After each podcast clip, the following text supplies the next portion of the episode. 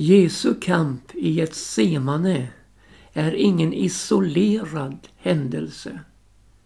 Även om det är en av de viktigaste kamper som har utkämpats någonsin så är Jesu liv fyllt av kamp. Kampmoment. Och det är på tre områden Jesus upptar kampen. För det första mot motståndaren djävulen.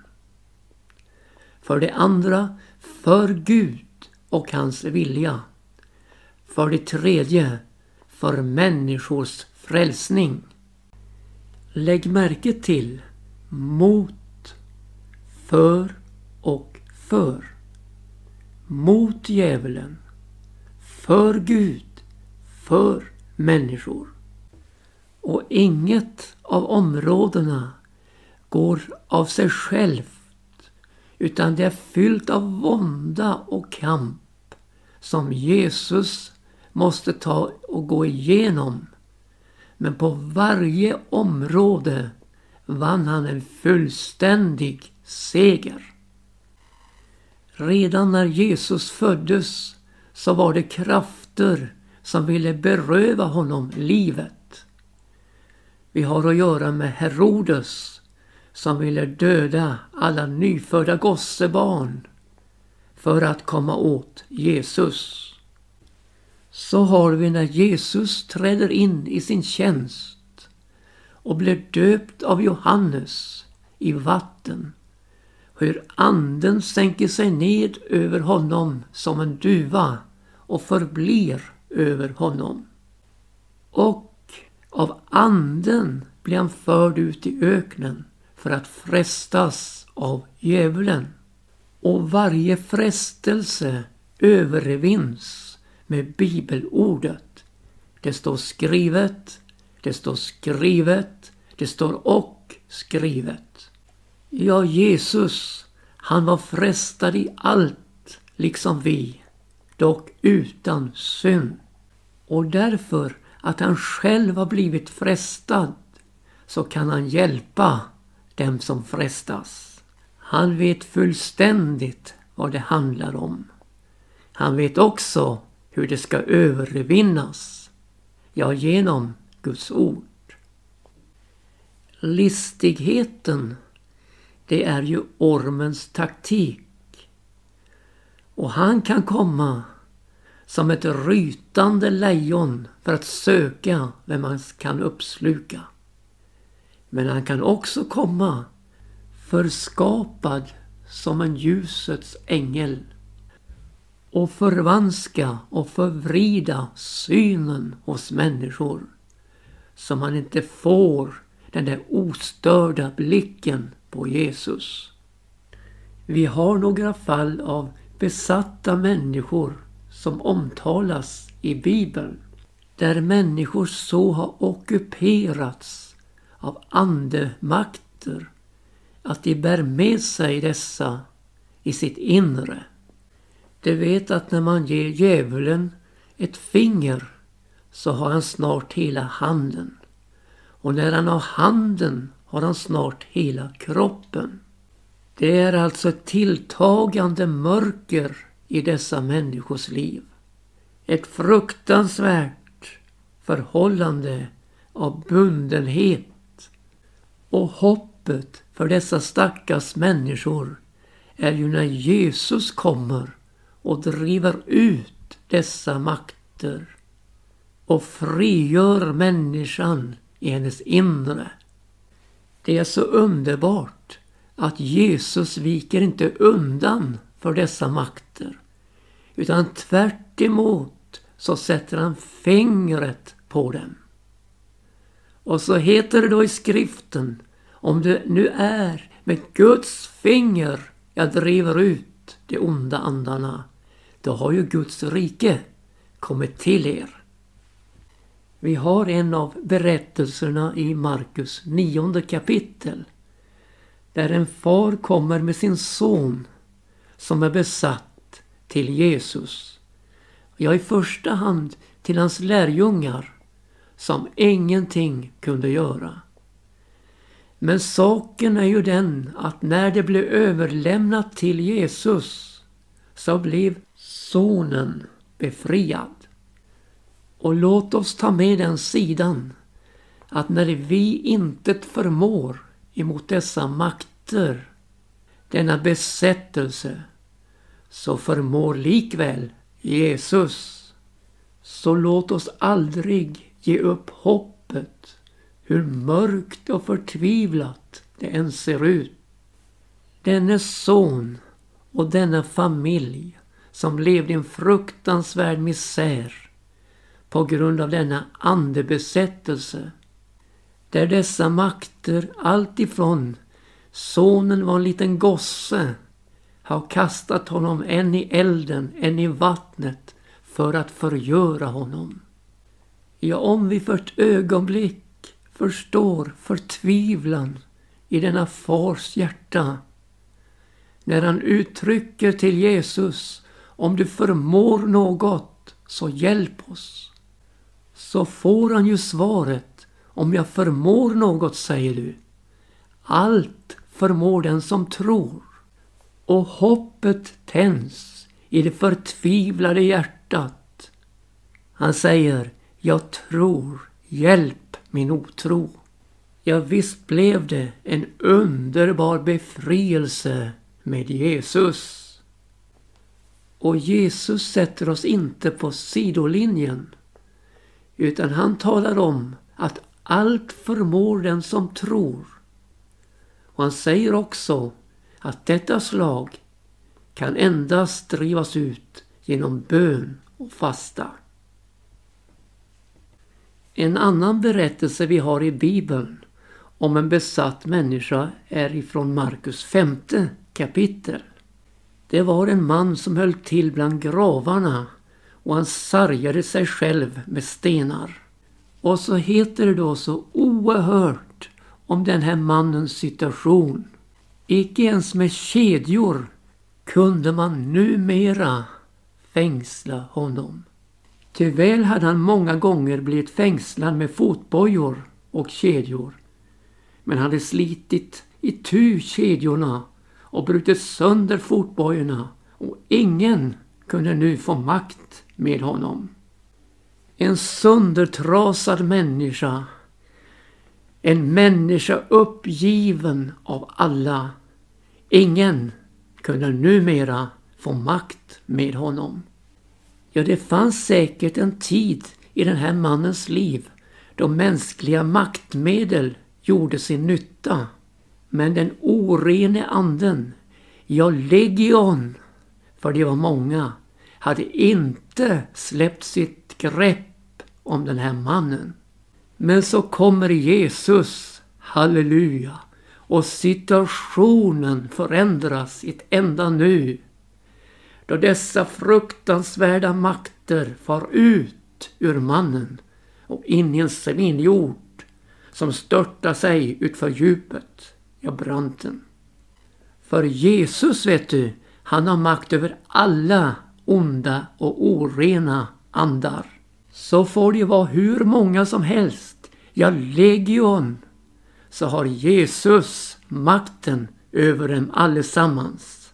Prisat vare hans namn.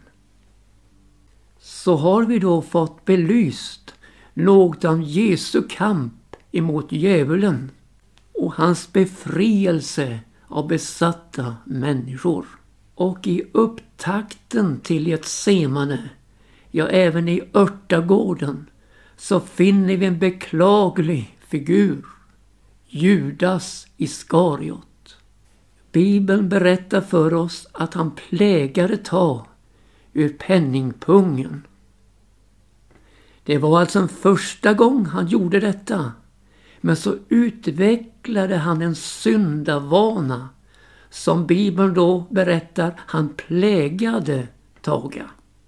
Och han trodde i sin dårskap att han blev rikare för varje gång han var nere med sina fingrar i penningpungen. Men du, han blev bara fattigare och fattigare för varje gång. Och nu var det inte bara så att han en gång, nu och då, tog ur penningpungen. Utan han hade som sagt utvecklat en syndavana så han plägade ta vad som lades i penningpungen. Det var nu-tillståndet. Det var numera var det så. Hur många tillfällen hade inte Judas haft att göra upp sin sak med Gud där i Jesu närhet. Men penningbegäret hade fått sådant grepp om honom att han drevs in i besättelse. Och när Jesus i sin upprördhet talar om vid påskmåltiden att en av er ska förråda mig så anar ingen av de övriga lärjungarna vem det är. Utan de frågar Jesus, vem är det Herre? Och han säger, det är den åt vilken jag räcker brödstycket som jag nu doppar. Och så doppade han brödstycket och räckte det åt Judas Iskariot. Och när Judas Iskariot tog emot brödstycket for Satan in i honom. Och Jesus säger till honom, gör snart vad du gör. Vi förstår att innan detta fruktansvärda ögonblick i Judas Iskariots liv så hade förutgått ett köpslående om Jesus mellan Judas och översteprästerna och det hade prisat Jesus för 30 silverpenningar. Och nu stod Judas redo att förråda Jesus och sälja honom för dessa 30 silverpenningar. Vi ser alltså ondskans tilltag. Hur djävulen kommer som ett rytande lejon och uppslukar Judas och för honom bort ifrån Jesus och in i döden. Och vi förstår något av hur Jesus kämpar för att bevara de andra att inte hamna i samma nät och föras bort ifrån honom. Han ber för Petrus, han ber för de andra att de ska bevaras i tron under denna omvälvande tid de går igenom. En bönekamp för lärjungarna att deras tro inte må bli om intet. Ja, så ska vi då tala om Getsemane och Jesu kamp där. Vi läser från Markus 14 kapitel och jag börjar här i den 31 versen. Det kom till ett ställe som kallas Getsemane. Då sa han till sina lärjungar, bli kvar här medan jag beder. Och han tog med sig Petrus, Jakob och Johannes. Och han begynte bäva och ängslas. Och han sa till dem, min själ är djupt bedrövad ända till döds. Stanna kvar här och vaken. Därefter gick han lite längre bort och föll ned på jorden och bad att om möjligt vore den stunden skulle bli honom besparad. Och han sa Abba fader, allt är möjligt för dig. Tag denna kalk ifrån mig. Dock icke vad jag vill, utan vad du vill. Sedan kom han tillbaka och fann dem sovande. Då sa han till Petrus. Simon, sover du? Förmådde du icke att vaka en kort stund? Vaken och benen att icke må komma i frestelse. Anden är villig, men köttet är svagt. Och han gick åter bort och bad och sa samma ord. När han sedan kom tillbaka fann han dem åter sovande, ty deras ögon var förtyngda. Och de visste icke vad de skulle svara honom. För tredje gången kom han tillbaka och sa till dem Jag är soven ännu alltjämt och vilen ner. Det är nog. Stunden är kommen. Människosonen ska nu bli överlämnad i syndares händer. Stå upp, låt oss gå, se den som förråder mig är nära. Ja, denna kamp, det är en kamp för Gud och för Guds vilja. Vi möter hur denna oerhörda kalk blir räckt till Jesus. Och vi förstår att det sker av Gud. Ja, av Guds vilja. En kalk. Den är inte innehållslös utan fylld till bredden.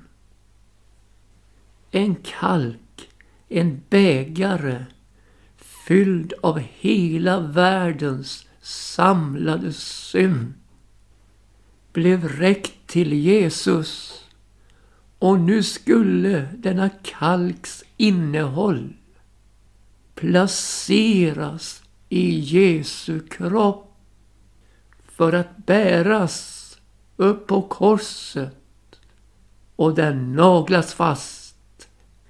Tänk dig in i situationen då Jesus klart och tydligt säger att allt är möjligt för Gud. Abba fader, säger han, allt är möjligt för dig. Gånger denna kalk ifrån mig. Denna möjlighet att kalken blev taget ifrån honom stod alltså till buds genom Guds oändliga makt och ta den ifrån honom. Men ser du, här finns något helt underbart. Hela hemligheten ligger i vad han säger vidare. Dock icke vad jag vill, utan vad du vill. Ja, texten uttrycker det att han gick längre bort och bad. Och jag vill uttrycka det så här. Han gick längre bort än Guds oändliga maktposition. Han gick helt in i Guds vilja. För visst hade Guds makt kunnat befria honom från allt detta som skulle komma. Men det fanns något övergripande, något som så inneslutet i Jesu innersta, nämligen Guds vilja. Dock ske icke min vilja, utan din. Det är så underbart det här att Jesus hade i sitt liv det här längre bort Bort ifrån sig själv. Bort ifrån sin egen vilja. Och in i Guds fullkomliga vilja. Och här i ligger vår frälsning. Och nu läser jag från Hebreerbrevets femte kapitel och sjunde vers. Med starkt rop och tårar frambar han under sitt kötts dagar böner och åkallan till den som kunde frälsa honom från döden. Och han blev bönhörd och tagen ur sin ångest. Så lärde han, fastän han var son, lydnad genom sitt lidande. Och när han hade blivit fullkomnad blev han för alla dem som är honom lydiga upphovet till evig frälsning och hälsades av Gud såsom överste präst efter Melkisedeks sätt.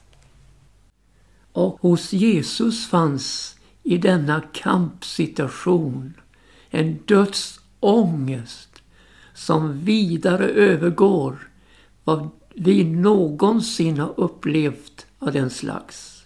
Eller kommer att uppleva. Med starkt rop och tårar frambar han under sitt kötts dagar böner och åkallan till den som kunde frälsa honom från döden. Och han blev bönhörd och tagen ur sin ångest. Och hur ändå denna dödsångest kan gripa oss människor så finns det ett underbart frigörande hos Jesus. Nämligen han, Jesus, har gjort dens makt om intet som har döden i sitt våld, djävulen. Och han gör den fria som har fruktan för döden, ja hela sitt liv igenom har levt i denna träldom. Hör du min vän, hos Jesus finns det frihet från dödsångestens faror och snaror. Vi kan få ett underbart bönesvar och bli tagna ur vår ångest och kunna möta det som ligger framför med tillförsikt.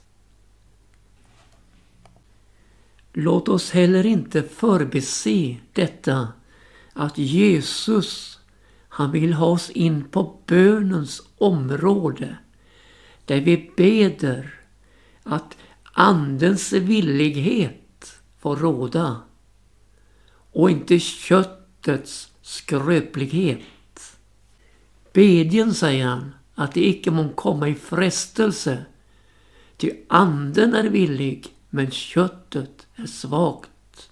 Ja, han förväntade av sina lärjungar att det skulle vara bedjande där i ett semane. Och så säger han som så, bli kvar här men jag går lite längre bort och beder. Och även om de inte kunde följa Jesus in i denna ödesmättade situation där kalken blev given åt honom så kunde de likväl ha bedit och kämpat där i örtagården.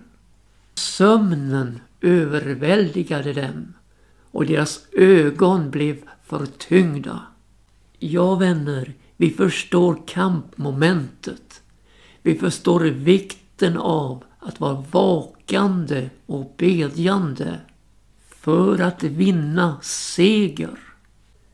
Vi har förebilden ett stenkast längre bort där Jesus kämpar kampen för att Guds vilja ska ske fullt ut.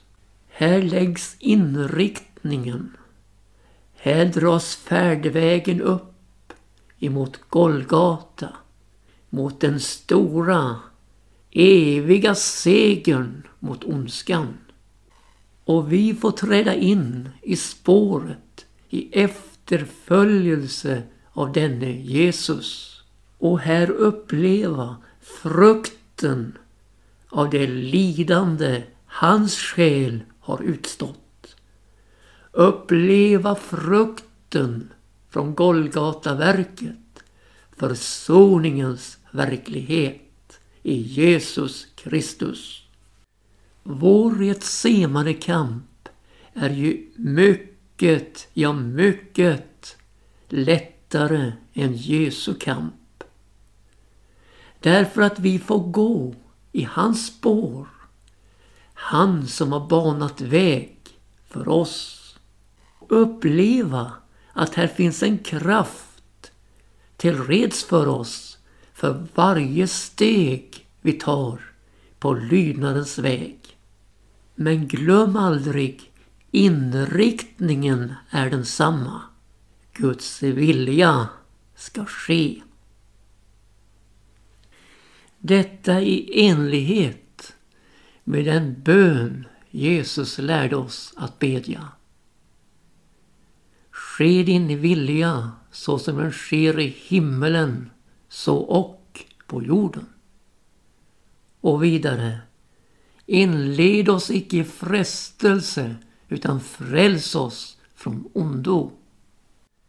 Här har vi alltså vår Getsemane kamp uttryckt i bön och tillbedjan till vår Fader som är i himmelen må vi inte ge upp utan må vi alla segra i denna kamp.